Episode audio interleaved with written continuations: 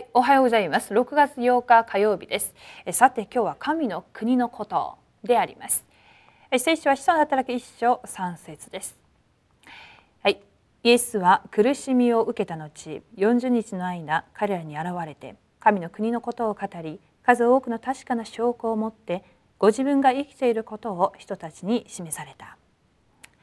はい、イエス様はマルコの屋上の間で40日間神の国について説明されました。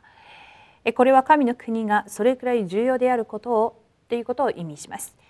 すべての事件が神の国をなすことに必要だということを知らなければなりません。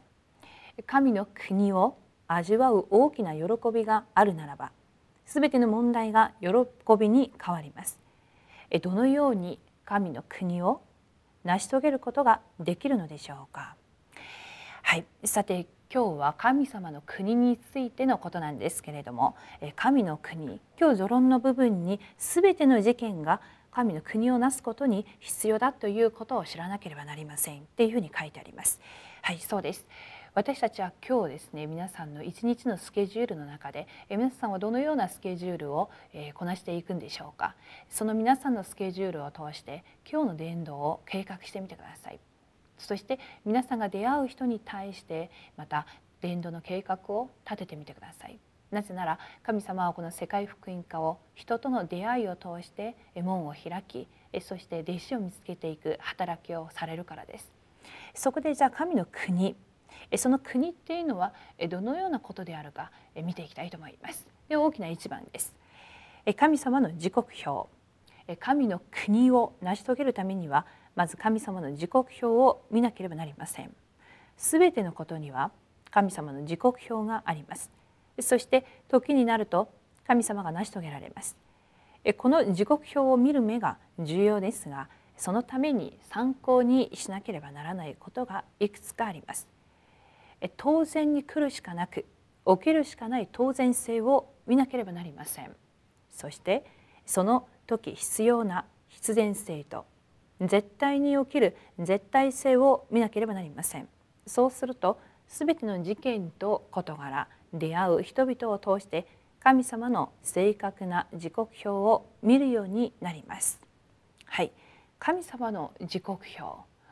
えー、マルコの屋上の間で120人の信徒が15カ国の人々が集まっていましたけれども結局ですね彼らはイエスがキリストっていうその契約を握って切に祈りました。そしたら突然五巡節の日になりまして炎のような風のような激しい起こりが起きてその15カ国から集まっていた全ての人に一人一人に主の精霊が望まれました。そしてなんと伝道の門が開かれましたしもちろん神様がヨエル書で2章28節に記録された通りに精霊の満たしを与えたのです。御言葉が成就され伝道の門が開かれそして弟子が起こりましたしそこの現場はもちろん変化されて世界福音化へとつながりました。暗闇の勢力も打ち砕かれまして。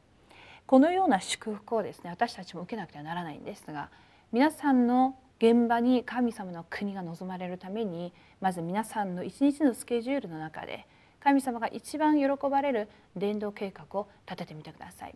その伝道の計画を立てていきますとやはり、えー、皆さんがどんな計画を日頃から持っているか伝道計画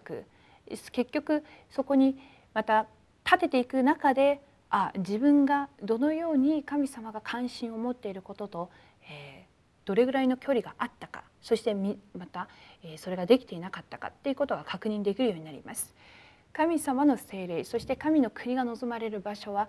神様が一番神様が一番望んでおられるそして神様がなさろうとする働きに私たちの中心と心がいった時に主が働かれていくようになります。なのでそのためにずっと今本部でメッセージ今の本部の時刻表は伝道者になるための伝道者の生活を送らなければならないということです。なので伝道以前に実は私たち自身がその伝道者として生きる人生でなければならないということです。伝道者とは神様が私たちにこの時代の暗闇の問題霊的問題を任したっていうことになります。私たちがその多くの人々を生かしていくためにその生かす方法も神様の方法でそれらを生かしていくためにはまず神様が私たちを本当に人の働き9章15節のようにパウロを見て選びの器だとおっしゃったようにまず私たち自身がその選びの器としての伝道者の器を備えていかなくてはなりません。皆さんがそれを一つ一つやっていく上に神様の国が望まれていくことを体験していけるようになると思います。なので今日そのようなことを参考にして皆さんのスケジュールをチェックして今日の伝道とそして御言葉と祈りをまた見つけていただきたいと思います。はい。では神の国です。2番です。神様の国。神様の時刻表を見るならば神の国を待つことができます。またそのために挑戦することが見えて配慮することも見えます。その時精霊の働きが起きます。神様が天の門を開かれ私たちの前に天の軍勢を使わされ私たちが行くすべてのところにサタンが縛り上がれます。それがまさに神の国です。神の国が望む時重要な結論が出て周りの現場が変わる働きが起きます。そして天の市民権国籍を持ってミザの祝福を味わっていけるようになります。はい。皆さんの、えー、今日の伝道を見つけていただきたいと思います。はい。そして大きな3番です。神様の方法。私たちの生活に神の国が望めば良いのです。その最初は私に来ている神の国を見て味わうことです。それを見ると受ける答えが見えてしなければならないことが見え始めます。さて皆さん今日もですね皆さんが受けた御言葉を通して皆さんのスケジュールの中で出会いどんな人と出会うかどんな人と約束があるかどのような今日業務があるか学校ではどんなことが起きるかずらりと書いてみてください。そしてその中で神様の国が望まれるように皆さんの祈りの課題に対してまず神様の御言葉を見つけそしてその御言葉を黙想しながら黙想して神様がどのように働かれていくかそれを待つことそこに神の国が現れると思います。神様の暗闇の勢力が皆さんのスケジュールの中でどのように砕かれていくか一つ一つを具体的に発見していく今日一日になっていただきたいと思います。はい、では今日のフォーラムの主題です。え今日私と私の家庭私の周りの現場に神の国が望むように実際に祈りましょう。はい、それではお祈りを通して祈りの手帳を終わりにします。神様感謝します。今日一日も神様の国が望まれる豊かな一日となりますように。そのためにまず私たち一人一人が神の子として神様が一番多く関心を持っておられる伝道現場に私たちの心が集中できるように導かせてくださいそのためにまず神様がこの時代を見て神様のこの国を拡大していくためにまず私たち自身がその大いなる働きの証人として伝道者としての人生を送れるように祝福してください。今日の伝道の中で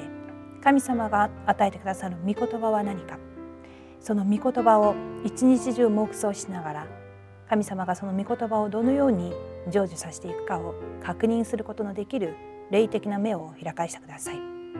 そして御言葉が成就される瞬間どのように暗闇の勢力が打ち砕かれたかそれを確認して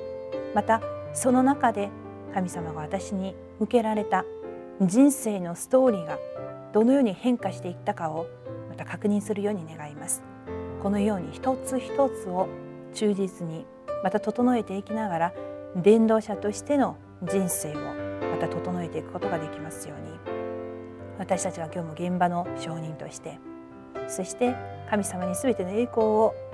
期すことのできる証人として立つことができますように。すべてを感謝して主イエスキリストの皆によってお祈りします。アーメン